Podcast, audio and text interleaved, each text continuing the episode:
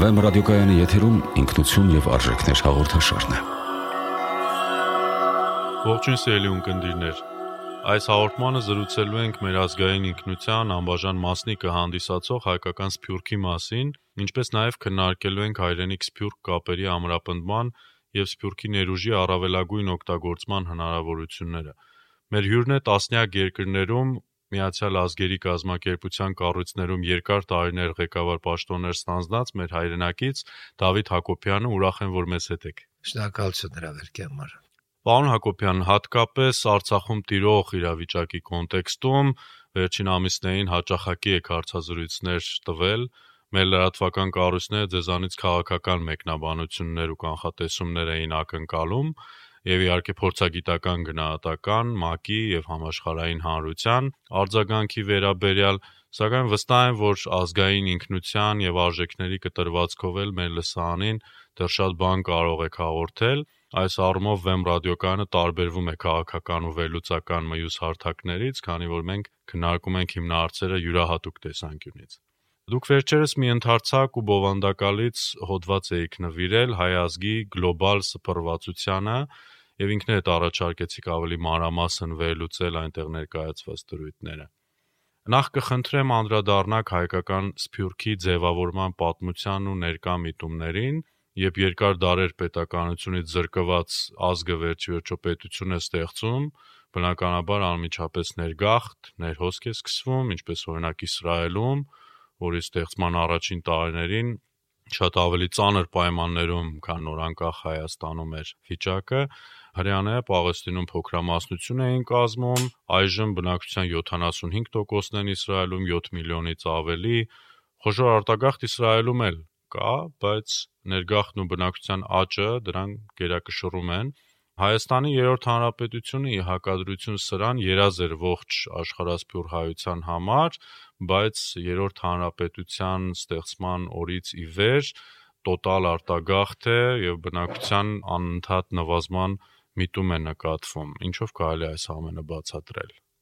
Իսկապես Սփյուռքի պատմությունը երևի շատերը գիտեն, ես էլ երևի ամենալավագույն մասնագետներից չեմ, բայց առիթ եմ ունեցել Չինաստանից մինչև Արգենտինա, եվրոպական շատ երկրներում, Ամերիկայում ընտանեկից մի մասն ապրում եւ այլն շատ եմ շփվել Սփյուռքի հետ տարբեր երկրներում՝ Եգիպտոս, Հորդանան, Լիբանան, Սիրիա եւ այլն եւ այլն իհարկե եթե պատմությանն ենք նայում, գիտենք, որ բազմաթիվ սփյուռքի շերտեր ա եղել, այսինքն տարբեր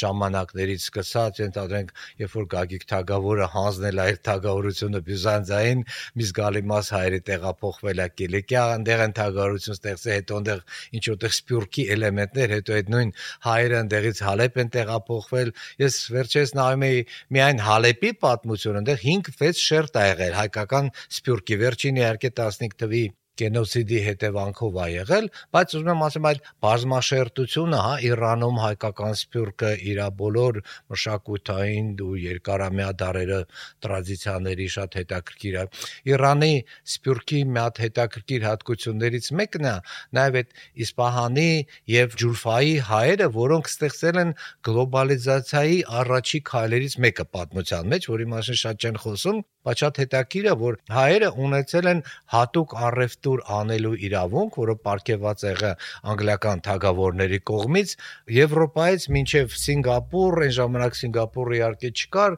մինչև Ինդոնեզիա եւ այլն եւ այլն, այսինքն Հնդկաստանում հատուկ հարկերից ազատված են եղել, ստեղծել են մի հատ հետաքրքիր շղթա, որտեղ հայերը բոլոր այդ քաղաքներում մետաքսի ճանապարհի վրա, թե մյուս ճանապարհների վրա փոխադարձ վստահության հաշվին կարողացել են ստեղծել շատ հետաքրքիր առևտրական հարաբերություններ, որը շատ երկրներ իրար են կապել։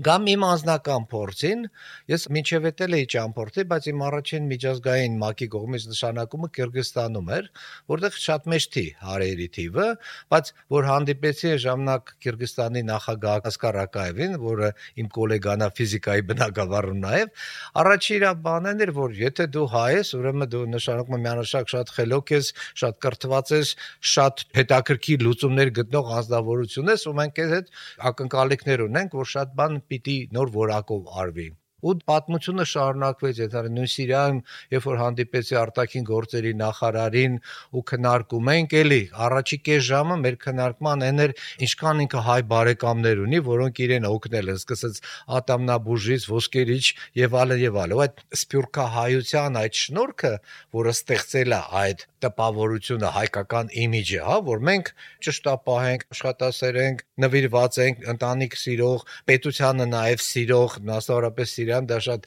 նյուանսներ ունի եւ այլն էլի ահա այդ երկար երևի չեմ ուզում թվարկել այդ բոլոր առանձնահատկություն մեկ-մեկ նույնիսկ ինքը զարմանում է արդյոք մեր հայերի մասին է թե ինչ որ ուրիշ զիալական աշխարհից եկած արարածների մասին է բայց դա անկալումն է մի ընդհանրենք Ամերիկայում ապրող միջին հայ, միջին ամերիկացուց ավելի լավ է տնտեսապես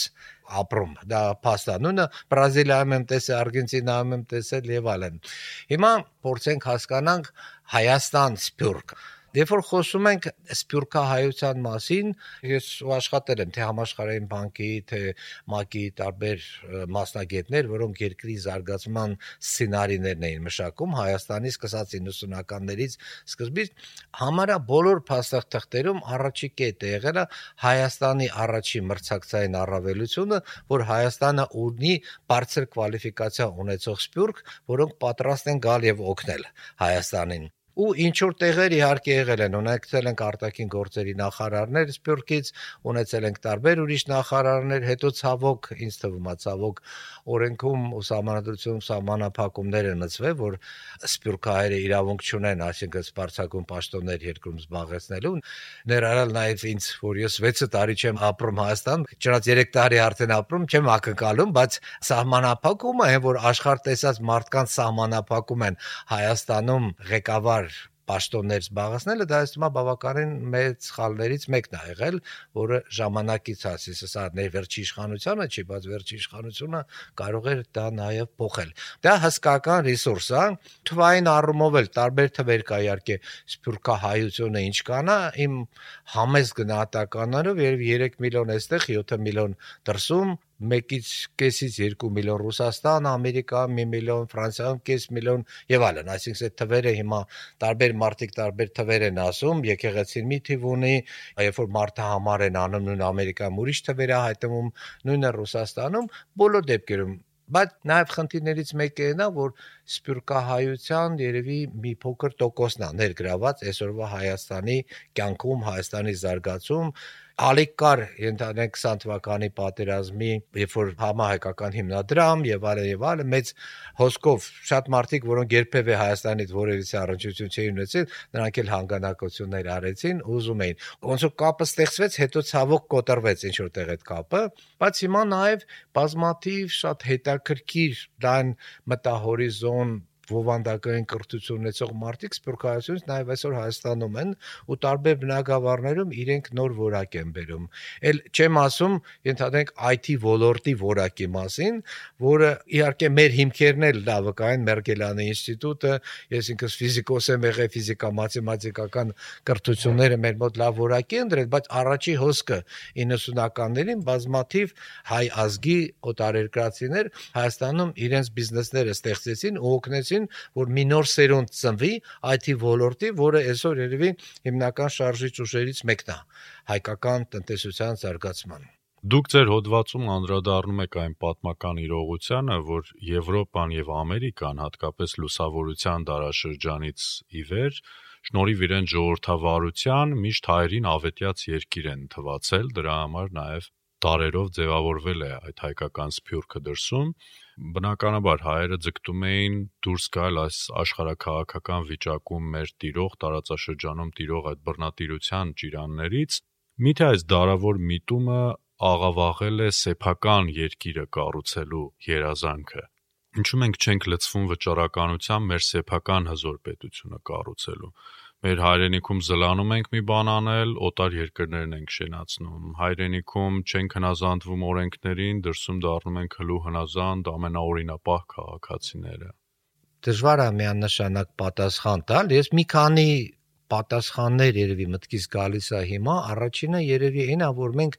անգլերեն ասում են state building ու nation building, ասում են պետական շինարարություն ու ազգ կառուցելու։ Մեր մոտ այդ ազգ կառուցելը փաստորեն հազարամյակներով եղել է, կայացել ենք որպես ազգ, ասում են հայերը, հрьяաները ու իռլանդեցիներն են, որոնք նույնիսկ Ամերիկայում գոնե 4-ը սերունդ իրանց ինքնությունը պահում են։ Այսինքն մենք մշակութային, կրոնական, տարբեր արժեքներով ընտանեկան եւ այլն այդ ինքնությունը պահելու մեծ կարողություն ենք ձեռք բերել, բայց դրա հետ մեկտեղ պետականություն կառուցելու մենք շատ մեծ փորձ չունենք, քանի որ միշտ հարմարվել ենք, ենթադրենք եղել ենք բյուզանդյան կայսրության, պարսկական կայսրության, ռուսական, օսմանյան եւ այլն, տարբեր կայսրություններում մենք հարմարվել ենք իրենց օրենքներին ու այդ հարմարվելով ստեղծագործել ենք ու հարստացրել ենք թե մեր ընտանեկան հնարավորություն ենք ստեղծել, թե նաև այդ պետությունների համար ենք ծառայել։ Մեր պետական շինարարության փորձը շատ սահմանափակ է, իհարկե սովետի ժամանակ 70 տարիները դա այնքան պետական ինքնություն չէր, ինչքան սովետի համակարգում որոշակի նիշա էր տրված, որտեղ կարելի ասել մշակութային ավտոնոմիա ենք ունեցել, որ արտաքին քաղաքականություն չենք ունեցել, բանակ չենք ունեցել, օրենսդրական շատ սահմանափակ հնարավորություններ ենք ունեցել ու հիմա որ գալիս ենք 35 տարվա մեջ, այո, համաձայն եմ, մեր պետականություն կառուցելու process-ը կարար շատ ավելի լավ լիներ։ Երկրորդ պատճառը ինձ թվում է, որ մենք առաջնորդների պակաս ունենք ազգային առաջնորդների պակաս ենթադրենք ոնց որ Շարլ դե Գոլն ա եղել Ֆրանսիայում երկրորդ համաշխարհային պատերազմի վերջից հետո վերացնված Ֆրանսիա ստեղծել Չերչիլը որը միավորել է շատ դժվար իրավիճակում միացյալ թագավորությունը ու ի վերջո դաշնակիցների հետ հաղթել են Բենգորիոնը Իսրայելում հա որ եթե 48 թվականին ասում եք իրանք միջև այդ արդեն 10 տարի պատրաստվում էին տասնյակ տարիներ պետություն ստեղծել ես հիշում եմ Շիմոն Պերեսը որը հետո դարավ նախագահ վարչապետ եւ այլն իր գրքում ասում է Բենգուրիոնը ինձ կանչեց 40 թվական երիտասարդ տղա է 26-27 տարեկան ասում է մեզ պետքա օթային ուժ ստեղծել Իսրայելի համար ու ասում է ո՞նց ես ուզում անես ուզում ես գողանաս ուզում ես արտադրես ուզում ես դրսից բերես ո՞նց ուզում ես արես ինչ միջոցներ պետքա աշխարհասփյուր հրեական համանքներից բայց նպատակը էսա ու պիտի անես ու հսկական հնարավորություններ տրվեց բայց նաև իրանք շատ արագ բոլոր մյուս հարցերում պետականություն ստեղծելու։ Համաձայն եմ ձեր հետ, որ իրենց վիճակը սկզբից շատ ավելի վատներ քան ստե մերը փոքրամասնությունային կազմում նոր մազապուրց եղած իրանց գենոցիդից հոլոկոստից հետո մի կերպ եկել հասել էին առանց ոչ մի ունեցվածքի անապատի մեջ զրոյից սկսել են թե ընտանեկան նիստուկած ձևավորել թե պետություն կառուցել բայց իրանց մոտ եթե համեմատում եք իրենց 30 տարվա 35 տարվա տրայեկտորիան ու մերը ցավոք մեր պետական շինարարությունը այդքան առաջ չի գնացել երևի երրորդ պատճառն է ինձ թվում է այդ պետության շինարարությունը դա հատուկ արվեստ է այսինքն դա առաջնորդներ բայց նաև համակարգեր ստեղծելու Հա ենթադրենք չինական մանդարինները պետական այդ 3-4-5000 տարվա ընտրում էին պետական աշխատողներին, աճում էին քայլ առ քայլ, ձևավորում էին։ Սովետում իր բոլոր թերություններով հանդերձ կուսակցություններ իր վրա այդ դերը վերցել, բայց էլ ինչ որ զտման process կար։ Մեր մոտ ոնց որ ինչ որ ամեն մի իշխանապողության հետ լրիվ մի սերունդը վերանում է, նոր սերունդ է հայտնվում, որը բնականորեն առաջի մի քանի տարին փորձ ունի հետո շատ դեպքերում էլ ցանկություն չունեն սովորելու ու անընդհատ այդ ոնց որ սկսում ենք զրոյից ու ցավոք չենք կարողանում կառուցելով առաջ գնանք Դուք գնահատականներ եք տվել նաև ի պաշտպանություն Հայաստանի Հանրապետության Սփյուռքի գործադրած ջանքերին, որակելով դրանք իբրև ոչ բավարար եւ իրականում դրանք մեզ այնքան էլ չեն օգնել. ոչ պատերազմների ժամանակ, ոչ էլ միջազգային ասպարեզում, Առհասարակ կարո՞ղ է Սփյուռքը արտերկրից առանց հայրենիքում իրական ներկայության եւ ներդրման ինչ որ բան փոխել։ Դուք նաև անդրադարձել եք հոդվածում, թե ինչպես են Իսրայելն ու Լիբանանը օգտագործում իրենց Սփյուռքի ներուժը։ Նախքան ձեր պատասխանը մի կարճ ծանոթություն տամ, մենք մեկնաբանում ենք Իսրայելի եւ հրեա ժողովրդի ձեռքբերումները, ոչ թե մեր երկու ժողովուրդները հենց համեմատելով եւ Իսրայելին իբրև հաջողակ մոդել եւ մեծ ձախողակների ներկայացնելու, այլ պարզապես իրոք եւ պատմական եւ թվային եւ սփյուռքի առումով բավական նմանություններ կան, մենք պարզապես ուզում ենք այդ զուգահեռներն անցկացնել եւ վերջ-վերջո Իսրայելի եւ տնտեսական եւ պետականաշինության եւ նաև ռազմական հաջողություններով, այդ իրենց հաջողության պատմությամբ ամբողջ աշխարհն է հիանում եւ կարծում եմ օրինակներ միշտ կարելի է փոխառել, եթե դրանք լավն են։ Ասեմ, օրինակ Իսրայելը 70-ական թվականներին ու սովետական Հայաստանը մոտորապես 3 միլիոն բնակչություն են ունեցել հնան մեկ շնչին եղել է 3-4000 դոլարի կարգ իհարկե մեր մոտ ռուբլով են հաշվել, բայց եթե փորձես համեմատական ինչ որ մասշտաբի բերես, մոտորապես նույն չափի տնտեսություն, նույն չափի բնակչություն են ունեցել, իրենց տարածքը մերինից փոքր է, 20000-ից մի քիչ քիչ են կարծեմ։ Հիմա որ համեմատում ես, մեր բնակչությունը էլի 3 միլիոն է, մեր տնտեսությունը մոտորապես 25 միլիարդ դոլարի կարգի է, Իսրայելը 450 միլիարդ է։ Պատկերացնում եք այդ 25-ը ու 450-ը։ Դա փաստեր է, որոնք պետք է հաշվի առնենք, որ համարյա 50 տարում իրանք ինչքան առաջ են գնացել ու մենք ցավոք այդքան առաջ չեն գնացել։ Ես հոդվածում նաև հետաքրիր համատություններ իմ համար քանի որ երկրներին երկուսին լավ ծանոթ եմ Լիբանանը եւ Իսրայելն է համեմատում ու պատմության առումով երկուսն էլ շատ հետաքրքիր խորը երկար հազարամյակների պատմություն ունեն Փյունիկացիներից սկսած Լիբանանը եղել է առևտրական ազգ Կարթագենն են իրենք ստեղծել, միջերկրական ծովի վրա այդ քաղաք ամրոցներն են ստեղծել, առաջի առևտուր անողները գլոբալ եղել են լիբանանցիների նախկինները, որոնք փյունիկիացիներն են եղել։ Ու այդ մշակույթը իրանց մեջ առևտուր անելու, այսօր էլ ընդհանրենք ես Աֆրիկայում մի քանի տարի աշխատել եմ նույն Կենիայում, լիբանանական ընտանիքներ կան, որոնք շատ մեծ դիրքեր էին գրավում։ Ընդհանրենք Բրազիլիայում, ասում են սիրիական ու լիբանանական ցակման մոտ 15 միլիոն մարդ կա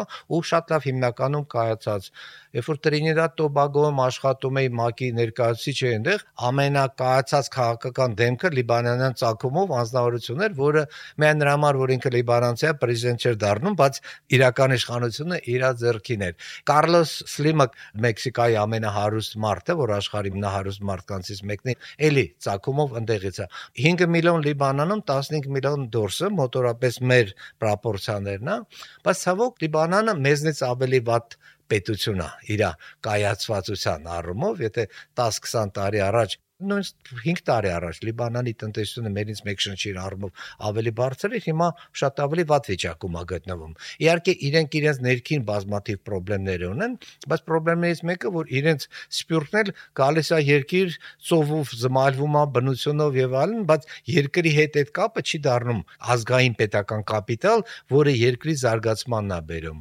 հակառակ Իսրայելը տեսակ էս մի վերջի օրերին, երբ որ Իսրայելը կոչ արեց մարդիկ ամբողջ աշխարից իսրայելական ցակումով Իսրայելի քաղաքացիներ եւ այլն 100 հազարներով վերադառնում են Իսրայել, որպեսզի գնան ու այդ երկրի համար պատրաստ են իրենց կյանքերը տալու։ Չնայած պետությունից դժգոհ են շատ ուրիշ հարցեր կա, բայց հենց պետականությունը վտանգա հայտնվում, միանգամից ոնց որ բոլորը միավորվում են մի նպատակի համար։ Հիմա հայկական դեպքում ինչի տենց չի Հիմա խնդրեմը երկու կողմից, հա։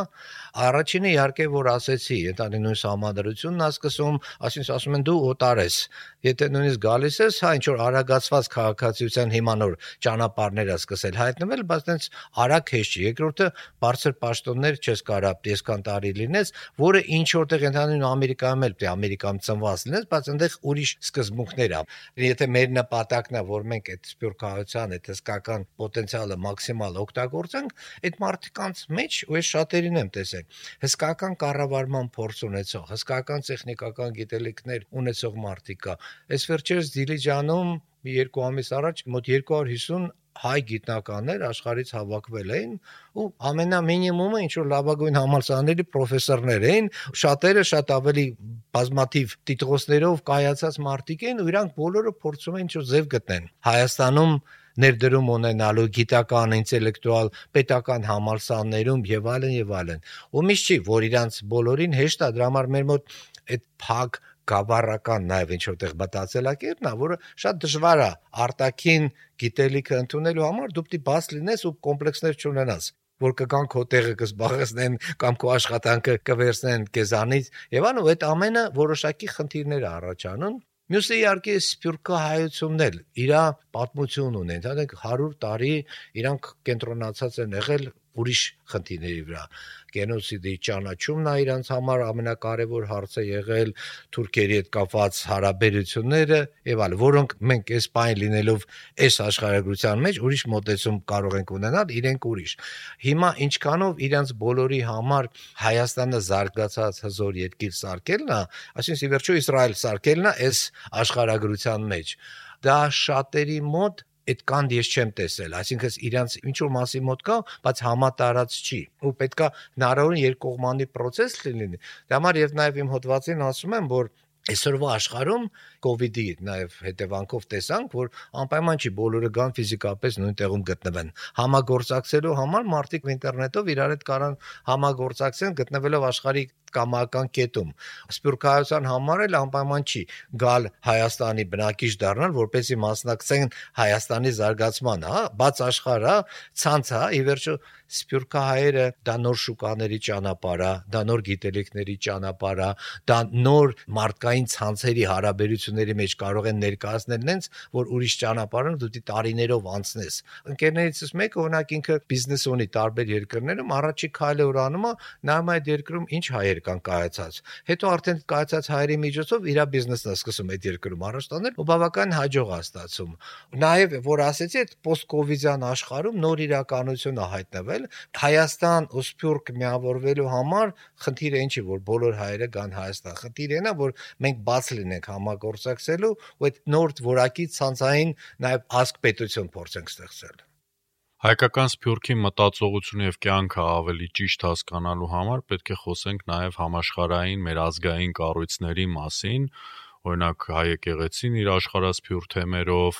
հայկական բարեգործական ընդհանուր միություն, Home and Men, Home, կուսակցություններ, կրթական ու մշակութային կենտրոններ, դրանք ծառայում են Սփյուռքի ներուժի միավորմանը եւ հայրենիքին ծառայեցմանը, թե հակառակը ջլատում են Սփյուռքի ուժը ինչպես կամական կառույց, այսինքն կառույցները, որոնք ուրիշ իրավիճակներում ստեղծվել են ու իրանց 100-ամյա պատմություն ունեն, իրանց շատ դժվար է փոխել։ Ես օրինակ բարեգործականի հետ շատ եմ շփում թե Պերցետրակյանի հետ, թե իր գրասենյակի հետ Հայաստանը Վազգեն Եդյակոբյան կարող եմ ասել, որ ընկերներ ենք շատ մոտիկ համագործակցում ենք ու իրանց տարբեր օֆիսները տարբեր երկրներում առիթներ ա եղել շփվելու։ Մյուսների հետ նաև տարբեր եկեղեցիների հետ հայկական առիթներ ա եղել։ Արտակ Բեգլյանի հետ երկու տարի առաջ Ամերիկային գնացի Արցախի հետ կապված հարցերով։ Համարյա բոլոր կառույցների հետ հանդիպումներ ունեցանք ու այդ էլեմենտը միավորման ու ցանկությունը մի աշխարհի մաս կազմելու կար, բայց երբ որ պրակտիկ արդեն քայլերն է գալի, այդ իրանց իներցիան, իրենց պատմությունը ու մեր աշխարհների համակցումը, որ ընդհանուր դա ստեղծենք, դա բավականին մանրակրկիտ աշխատանք է։ Կամական, եթե ենթադրենք, հա, բիզնեսի աշխարհից որ վերցում ես երկու տարբեր կորպորացիաներ, որ ուզում են միավորվել, դա հսկական մանրակրկիտ աշխատանք է պահանջում, ամեն մեկը իր մշակույթով է ձև ձևավորվել։ Հիմա նույնը այդ Սփյուռքի հետ իսկ մա այդ խնդիրը կա։ Ենթադրենք Ռուսաստանի հայությունը ու Արգենտինայի հայությունը կամ Կիրգիզստանի հայությունը լավ դեռիվ տարբեր մշակույթներում ստեղծված բաներ են, հայկական էլեմենտները ողել են, ու այդ հետաքրիր հատկություններից մեկն է, գիտեք, հատուկ ինձ թվում է պետք է նշել, որ իրենք կարողանում են ասես մի կողմից ադապտացվում են այդ աշխարհին, որտեղ ապրում են, բայց իրանց ներքին ոնց որ այդ միջուկը պահում են, բայց դրա հետ մեկտեղ այդ բալանսը երբ որ լավ չի պահպանվում, այդ միջուկները, որը մեզ բոլորից միավորում է հայ լինելով, ու երբ որ ադապտացում ես, ենթարենք այսօրվա Ռուսաստանով ենք տեսնում, չէ՞, Ռուսաստանի հայերի մի մասի ռեակցիան մեր խնդիրներին մեր մոտ բավական էմոցիոնալ բան առաջացնում ու չես հասկանում ոնց կարելի է հայ լինելով հանդերձ այդ կարգի հայտարարություններ անես Հայաստանի մասին, բայց իրենք այդ մշակույթում արդեն աճել են այս ձևով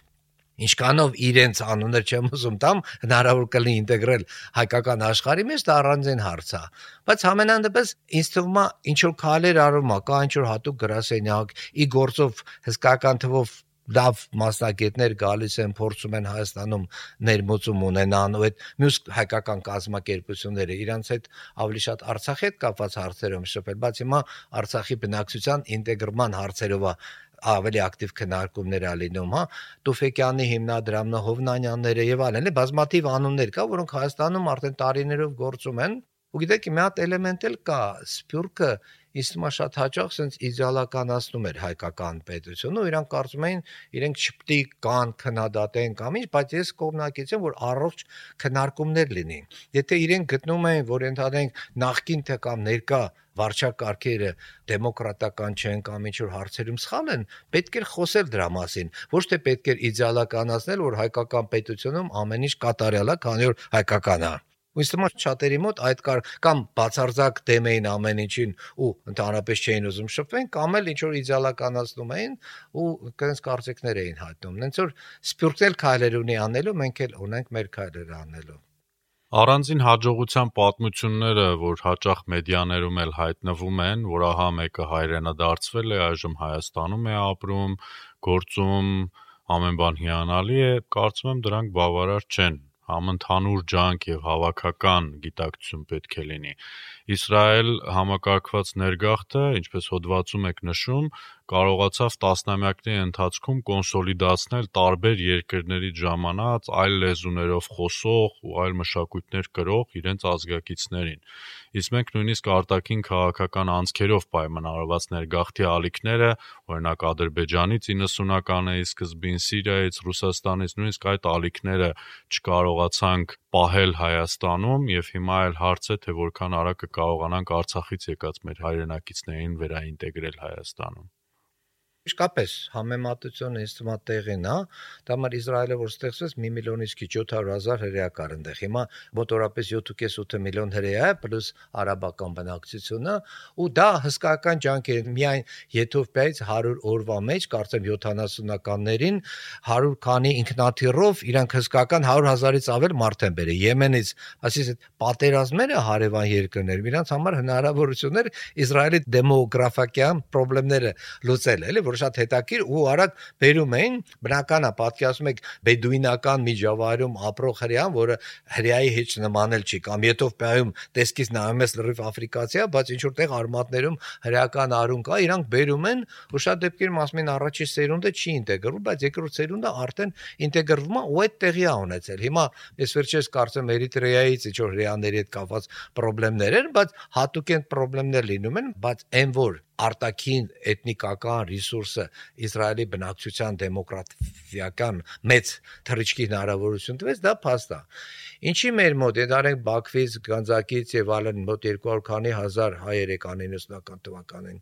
Սիրահայերի թիվը ճշգրիտ չգիտեմ, բայց հիմա 20-30 հազարի կարգի եկելա, կեսից ավելի քիչն է, ես ինչքան գիտեմ մնացել Հայաստանում։ Լիբանանում, որ տնտեսական ճգնաժամի մեջ է, դեռևս մոտ 50-60 հազար հայ կա։ Իրանում թիվը դժվար է ասել, եղել է մոտ 200.000, հիմա ասում են էլի 68-70000 է մնացել, բայց իրանց հնարավորություն տալ գալ Հայաստան Ռուսաստանից, ասում են 1.5-ից 2 միլիոն հայ կա, ու այդ պատերազմը եւ բազմաթիվ ուրիշ խնդիրներ իրենց նաեւ կմղեն մի զգալի մասին Հայաստան գալ, ինձ թվում է։ Այդ իրավիճակում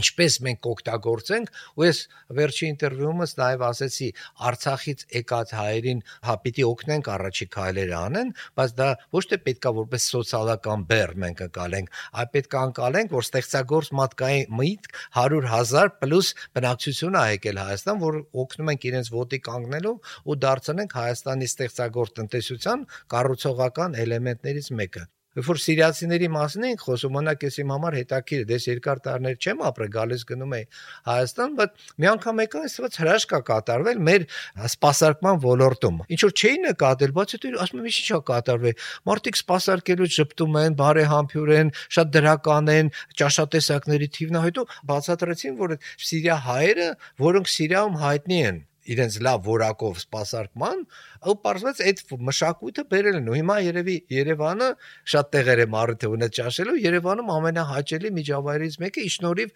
այդ ստեղծագործ սպասարկման ոլորտն է, որը սիրահայերի նաև ներդրումն է Հայաստանում։ Ու այդ կարգի բազմաթիվ ուրիշ օրինակներ, օրինակ, ինչ անենք, որ Արցախից եկածները չկորցնեն իրենց մշակույթը, Արցախում ես երևի ամենահաճելի ռեստորաններից մեկը Ստեփանակերտում Ուռենին էր, չգիտեմ ով եղել է Ստեփանակերտում, երևի մինչև հիմա հիշում եմ համը այդ ուտելիքների։ Հիմա այդ նույն այդ մշակույթը այդ Ուռենի պիտի մի հատ Երևանում էլ կամ Հայաստանում ինչ որ միտեղ ստեղծվի, կամ տեխնո դպրոց էինք այնտեղ օգնում, մունք, որը հիմա Տաշիրում գնացել է, փորձում ենք այդ նույն տեխնո դպրոցը օգնենք իրենք նոր կյանք ստանան եւ այլ։ Այսինքն այդ մարկային ռեսուրսը իրանց բոլոր ստեղծագործ կարողություններով դառնա Հայաստանի տնտեսության շարժիչներից մեկը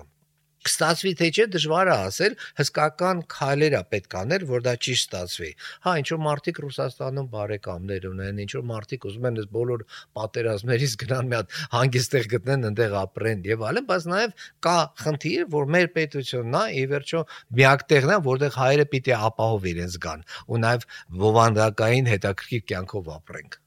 Իբրև ամփոփիչ հարց, ասում ենք, որ Հայաստանը այս առումով պետք է ավելի գրավիչ դառնա, որպեսզի հայրենադարձությունը մեծ թափ ստանա, բայց անկախությունից ի վեր իշխանությունները անում են հենց հակառակը ավելի ու ավելի հիասթափեցնելով մարդկանց, կոռուպցիան գիտենք տասնամյակներով խանգարում էր սփյուռքի ռեսուրսների տնտեսական ներդրման։ Հիմա էլ մեր իշխանություններն առանձնապես ոչ անվտանգություն են երաշխավորում, ոչ էլ գրավիչ լույսի ներքո են ներկայանում նաև Սփյուռքում, եւ դուք նաև ասում եք, որ աշխարհակաղակական այս խանգարիչ պայմանները, հանգամանքները, ոնցում Հայաստանն է հայտնվել, նույնիսկ դրանք կարելի է փոխակերպել ինչ որ շահավետ լույսի ներքո դրանք տեսնել եւ օգտագործել Հայաստանի տնտեսական հզորացման համար, Սփյուռքի ներուժի ներգրավման համար։ Այդ մեր ի վերջո ընտրությունն է, հա, մենք ուզում ենք դառնանք ուժեղ կայացած տնտեսապես ռազմական առումով կայացած հզոր պետություն, թե չենք ուզում։ Շատերը բողոքում են հարևաններից, աշխարհագրությունից եւ այլն։ Իսրայելը բոլոր պարամետրերով մեզ շատ ավելի վատ աշխարհագրություն։ Միակ իհարկե դրականը, որ իրենք ծովին ելք ունեն, բայց իրանց թշնամիների հարաբերակցությունը իրանց բնակչության անհամեմատ ավելի վատներ, քան թե մեր իրավիճակն է։ Բայց այդ իրենց մղեց, որ իրանք շատ ավելի կազմ կազմակերպված, շատ ավելի քրտնաժան աշխատեն իրենց երկրի անվտանգության, տնտեսության եւ այլնի վրա։ Գիտեմ, ու ես էլ եմ անընդհատ առնչում, թե սպյուրքայր շատ ընկերներ ունեն, որոնք Երևանում են, Հայաստանում են իրենց բիզնեսներ, իրենց գործունեություն։ Մի մասը միանշանակ եկել է, ուզում է մնա բոլոր թերություններով հանդերձ իրենք իրենց տանն են զգում։ Մի մասի համար թերությունները կարող են այնքան լինեն, որ որոշ ժամանակ հետո որոշեն գնան։ Մի մասը գնում գալիս է, այսինքն ես ընտանիք ասեցի, մի մասը Կալիֆոռնիայում է, Սան Ֆրանցիսկոյի մոտ ապրում, ես էլ ձմեռը 2-3 ամիս գնում եմ, ընտանիքից տեսնում եմ, բայց 9 ամիսը, 10 ամիսը ստեղ եմ ապրում, ու իմ համար սա հաճելի, հարմար, կոմֆորտի տարածք է այստեղ ապրել է Հայաստանում թե մարդիկ թե եղանակը թե սնունդը եւ այլն ասի ես ինձ լավ եմ զգում առողջ եմ զգում հաճելի եմ զգում ու սպորտայական մեջ էլ այդ կա իհարկե թերությունները պետականության մոտեցման կան բայց ոչ միայն պետական գիտեք մարդկանց մեջ այդ վախը իրանց համար որ իրենց փոքր աշխարհում իրենք ամեն ինչ գիտեն հանկարծ ինչ որ մեկը գալիս է բարձր իրենց գիտելիքները նախորդ դարից են կամ հնացած են ու իրենք պիտի արագ փոխվեն։ Այդ այնչուղ տեղ մարտահրավեր է, մի մասը ընդունում է սկսում է իր զարգացման վրա աշխատել, մի մասն է հակառակը։ Տշտամանում է որոշումա կամական դրսից եկող նոր միտք փակի, որ իր թեր զարգացած լինելը տենց ակնհայտ չլինի բայց բոլոր դեպքերում այդ նույն մարտիկ էլ որոնք փակվում են նաև պիտի ինչ որ մի օր հասկանան որ առանց նոր գիտելիքի նոր աշխարհին բացվելու այս երկիրը չի կարողանալու կանալ դա ի վերջո իրենց իրենց երեխաների ժառանգների խնդրեմա ստեղծելու ու հուսով եմ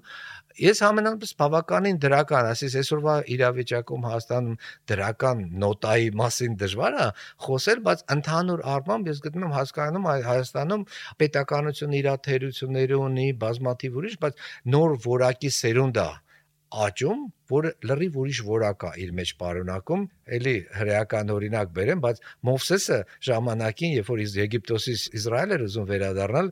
ես մի անգամ փորձել եմ Google Map-ով նայեմ ինչքան է պետք քայլելով գնալ, բարձրացման համենա երկու շաբաթում քայլելով կարելի է հասնել։ Բայց ինքը 40 տարի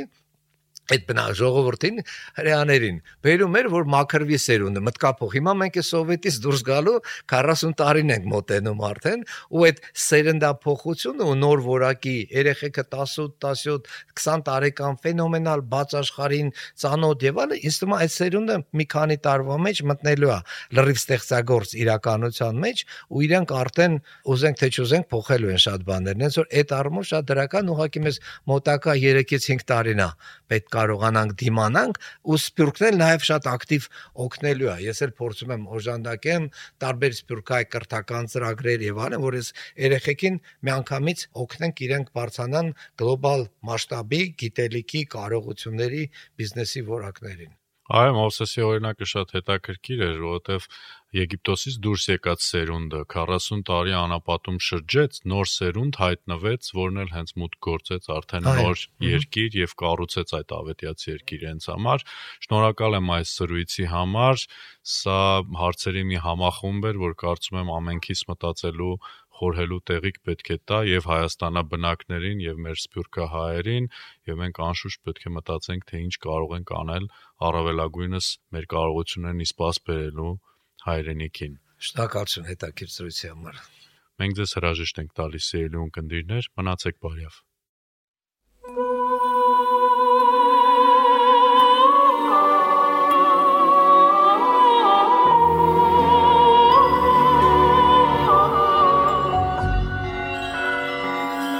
Վեմ ռադիոկայանի եթերում ինքնություն եւ արժեքներ հաղորդաշարներ։ Այն ձեզ ներկայացրեց Վարդան Սարգսակ Ասլանյանը։